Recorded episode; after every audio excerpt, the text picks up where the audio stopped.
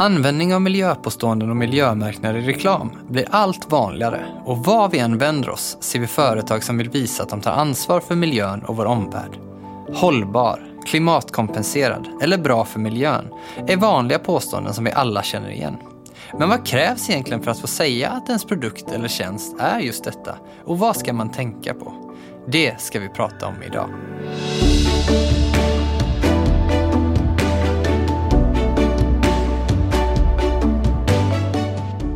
Hej och välkomna till IP-kompassen.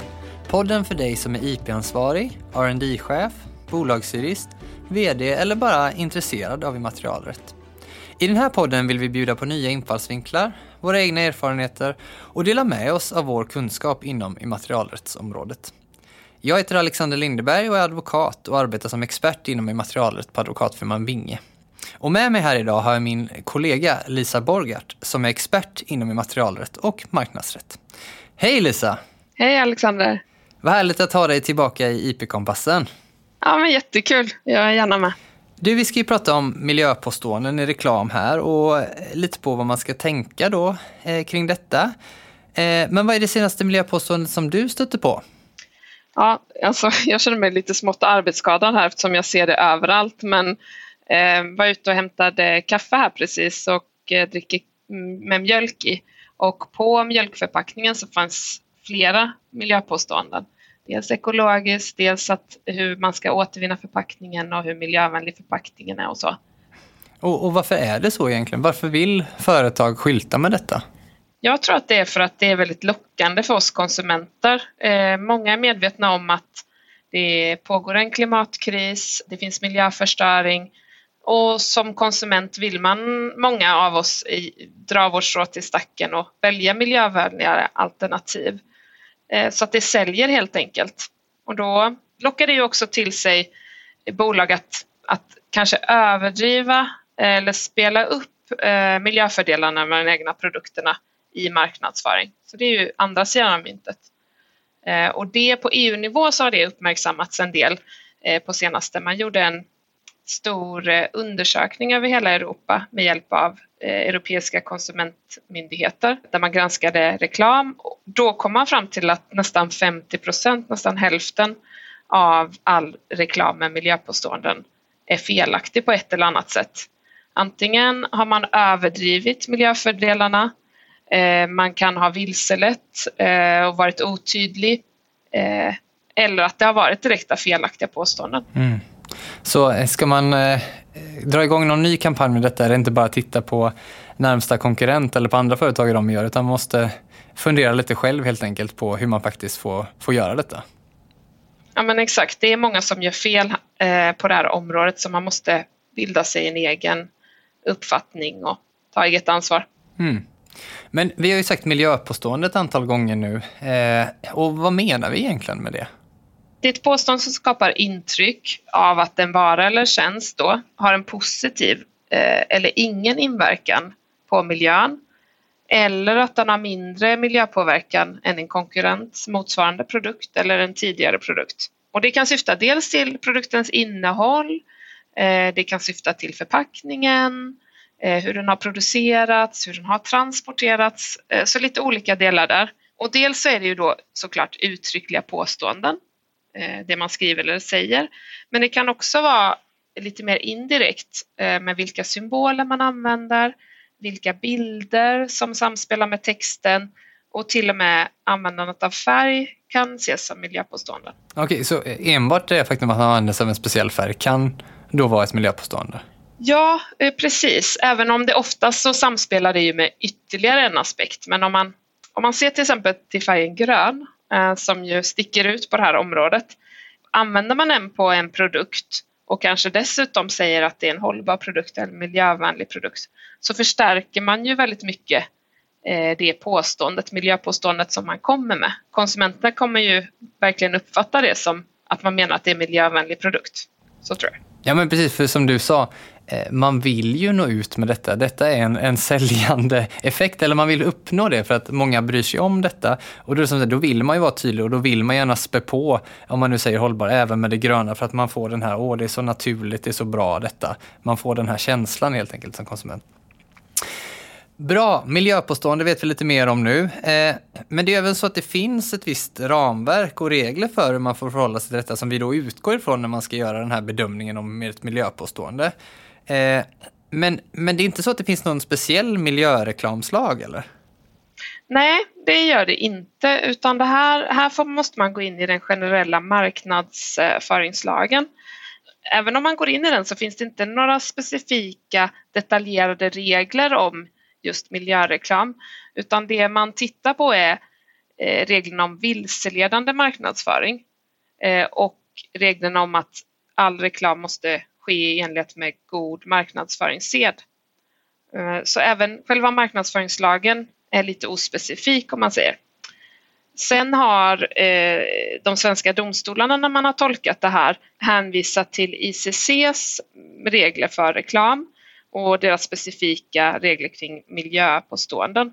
Eh, och ICC är ju internationella handelskammaren. Men de här, eh, den här vägledningen som de har, ICC har gjort är ganska bra så att eh, det kan jag verkligen rekommendera att ta en titt för den är, den är ganska praktiskt eh, utformad och har kommentarer och råd kring användning. Också generellt men, men också specifikt kring vissa påståenden som klimatkompensation som är ganska svårt påstående, hållbar, återvinningsbar och så vidare. Så den, den kan jag verkligen rekommendera. Sen så finns det också, även på hemmaplan finns det vägledning och råd från eh, svenska konsumentverket som eh, har tittat mycket på de här frågorna också och som också är tydliga och ganska praktiska råd. Även Konsumentverket vill ju liksom ge vägledning och i den delen så kan man säga att ja, men i, till syvende och sist är det ju domstolen som ska bestämma vad som är eh, det som gäller helt enkelt. Men vi brukar säga att ja, men, eh, följer man deras råd och håller sig på den sidan som de säger, ja, men då ligger man väldigt bra till. Ja, oftast så är ju Konsumentverket kanske, om inte det överstämmer helt med domstolarnas syn så är man kanske lite strängare. Mm. Eh, så, så jag tycker det är helt rätt det du säger. Vi har lite bakgrund här då, men nu ska vi bli lite konkreta istället. Och liksom, ja, men vad är det egentligen som står i de här regelverken? Då? Vad är det man behöver göra? Vad ska vi tänka på? Och då tänkte jag, för att vi ska försöka göra det lite mer konkret, att vi ska ta en, eh, en produkt som ett exempel. Eh, Lisa, du och jag är ju så sugna på att starta ett äppelmusteri eftersom vi har ju så stora marker, arealer av äpplen. Eh, så att vi, vi vill dra igång detta. och då så vill vi ju såklart säga att eftersom det här bara Ja, men det är så otroligt miljövänligt och vi har hållbar äppelmust. Kan vi göra detta? Eller, ja, vad behöver vi tänka på helt enkelt när vi nu ska, ska marknadsföra vår äppelmust på det här sättet? Ja, den är hållbar och det, det är bra för miljön. Vad kul att vi, vi ska dra igång med det här. Men eh, för det första så måste ju eh, sådana påståenden, hållbar och miljövänlig, det måste eh, som nummer ett stämma överens med verkligheten. Det måste vara sant. Och vi kan bara säga eh, det i marknadsföring i reklam om det är sant och om vi kan bevisa det. Eh, så det är det första och det är ganska höga krav på bevisningen här just eftersom eh, domstolarna tycker att den här typen av påståenden är svåra för konsumenter att förstå sig på typiskt sett och att de är väldigt lockande. Det är det första, det måste stämma Alexander. Ja. För det andra så är att eh, också de här påståendena måste ge en rättvisande bild av Eh, vår produkt och vår produkts miljöpåverkan och vara relevant för just den här produkten. Miljöpåståendet får inte avse bara en obetydlig del av produkten och sen spelar vi upp det väldigt mycket och eh, framställer det som att hela produkten är miljövänlig till exempel. Nej, precis. Vi säger till exempel att eh Ja, vi, eh, vi har minskat plastanvändningen i våra eh, flaskor med 70 procent och så är det egentligen så att vi bara har haft en väldigt liten etikett och nu är den bara lite mindre. Eh, men det är ändå så att vi har tagit bort den här, men i det stora hela så har det nästan ingen påverkan alls. Det är helt enkelt det. Det får inte vara obetydligt i förhållande till helheten helt enkelt.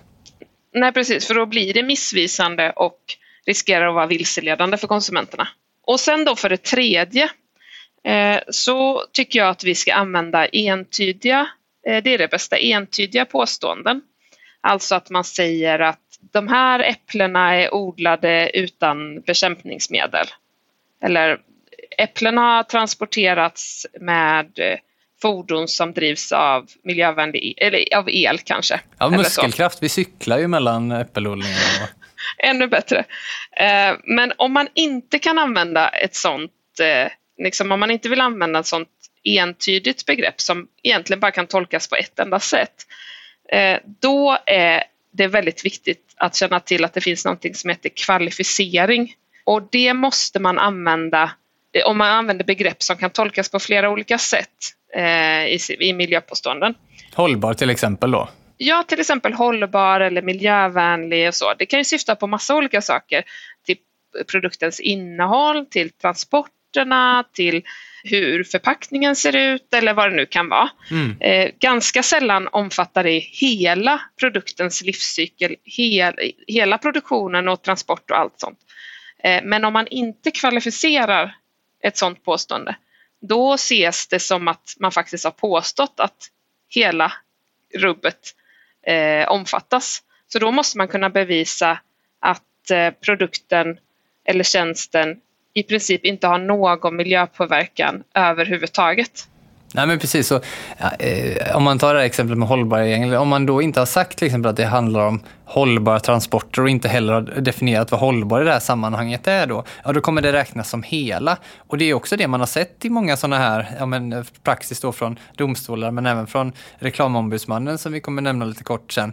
Att ja, men man menar egentligen något mycket snävare men eftersom ja. man inte har preciserat det så kommer det uppfattas, eh, åtminstone enligt domstolarnas uppfattning då, eh, som att det är det här bredare skopet som, som man behöver bevisa ja. och, som, och som konsumenten kan uppfatta det som helt enkelt.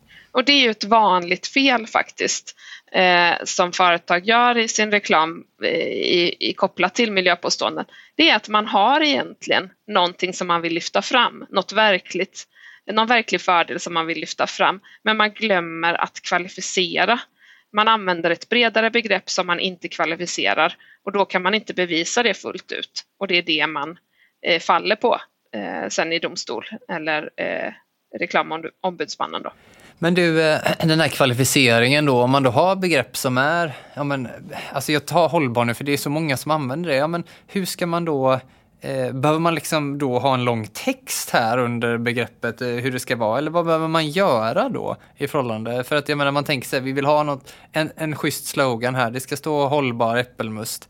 Eh, Va, kan vi göra det eller hur, hur måste vi gå tillväga då för att uppfylla kraven? Eh, vi kan inte bara skriva hållbar äppelmust som sagt utan vi måste ha en kvalificering och här, de här reglerna som finns på det här området de förhindrar faktiskt eh, företag från att ha hur klatschiga slogans som helst utan om man har en klatschig slogan så måste det i direkt omedelbar närhet heter det, finnas eh, en kvalificering som förklarar hur det här påståendet begränsas, vad det är exakt man menar. Och då kan inte det heller vara undangömt eller jätteliten text som man knappt kan se utan man ska kunna se de här i princip samtidigt. Ofta så hänvisar man kanske till hemsidan för, för kvalificering, vad man menar med, med ett miljöpåstående. Men det har Patent och marknadsdomstolen satt ner foten kring och sagt att ett klick bort bara, det är för långt bort. Eh, som, det räcker inte med att bara ha en QR-kod eh, där man hänvisar till eller hemsida som man hänvisar till utan man måste faktiskt förklara hur, vad är det man menar med påståendet och hur begränsas det. Eh, sen är det klart att alla detaljer eh, kanske inte behöver vara med men man måste, den mest basic informationen måste eh, finnas i omedelbar närhet och sen eh, för verkligen den som är jättedetaljintresserad kan man hänvisa vidare till Eh, till exempel en hemsida. Men du, eh, nu har vi liksom fått de här eh, olika momenten och begreppen som man behöver ha lite koll på. Då. Men det måste vara sant, man måste kunna bevisa det, det måste ge den här rättvisande bilden, det vill säga det får inte vara obetydligt i förhållande till helheten. Och sen att vi ska kvalificera eh, det som vi säger och också att vi har den här kvalificeringen i omedelbar närhet till det här miljöpåståendet helt enkelt. Men om vi inte lyckas med detta, vi gör fel, Eh, vad ska vi göra då? Vad, vad kan det bli för konsekvenser? Eh, om man gör fel så ska man eh, så snabbt som möjligt rätta till det. Det är väl det första. Det som kan hända är ju att man hamnar i eh, reklamombudsmannens opinionsnämnd som vi har nämnt. Eh, som tittar på om man har följt reglerna eller inte och kan komma med uttalanden. Det kan också vara så att konsumentombudsmannen eh, stämmer i domstol, oss som bolag, då kan vi förbjudas vid vite att fortsätta med den här reklamen. Eh, vi kan också få betala rättegångskostnader för en sån eh, domstolstvist. Och i väldigt allvarliga fall så kan det betala marknadsstörningsavgift. Sen, sen kan man väl också i det sammanhanget nämna att eh, på EU-nivå så finns det ny lagstiftning som, som kan vara på gång. Det finns utkast och förslag och så eh, kring att man ska skärpa upp de här reglerna kring miljöpåståenden i reklam och troligtvis även skärpa sanktionerna så att det ska, bli, ska svida mer att göra fel på det här området. Så det är hög tid att eh, se över de här nu helt enkelt? Ja, men eller hur. Och sen finns det ju också såklart en annan aspekt och det är ju konsumenternas reaktioner på att det framkommer att någonting, att man har överdrivit eh, miljöpåverkan av produkter. Alltså badwill i någon form. För lika mycket som konsumenter är lockade av påståenden om eh, miljöfördelar så blir man ju avskräckt om det visar sig att det inte stämmer. Det kan ju liksom få en ganska allvarlig stämpel och till exempel årets matbluff i år gällde just en produkt, mjölk, som hade ett, eh, ett eh, miljöpåstående som man menade inte stämde kring klimatkompensation. Det kan både höja och sänka helt enkelt. Ja, men exakt. Slutligen, om vi bara ska skicka med något råd och någonting av det jag har sagt, vad, vad ska vi säga då? Men jag tror det vanligaste som eh, företag gör fel på det är det här med kvalificering. Alltså att man inte preciserar eh, vad man menar med hållbar, grön, klimatkompensation, klimatneutral och så vidare.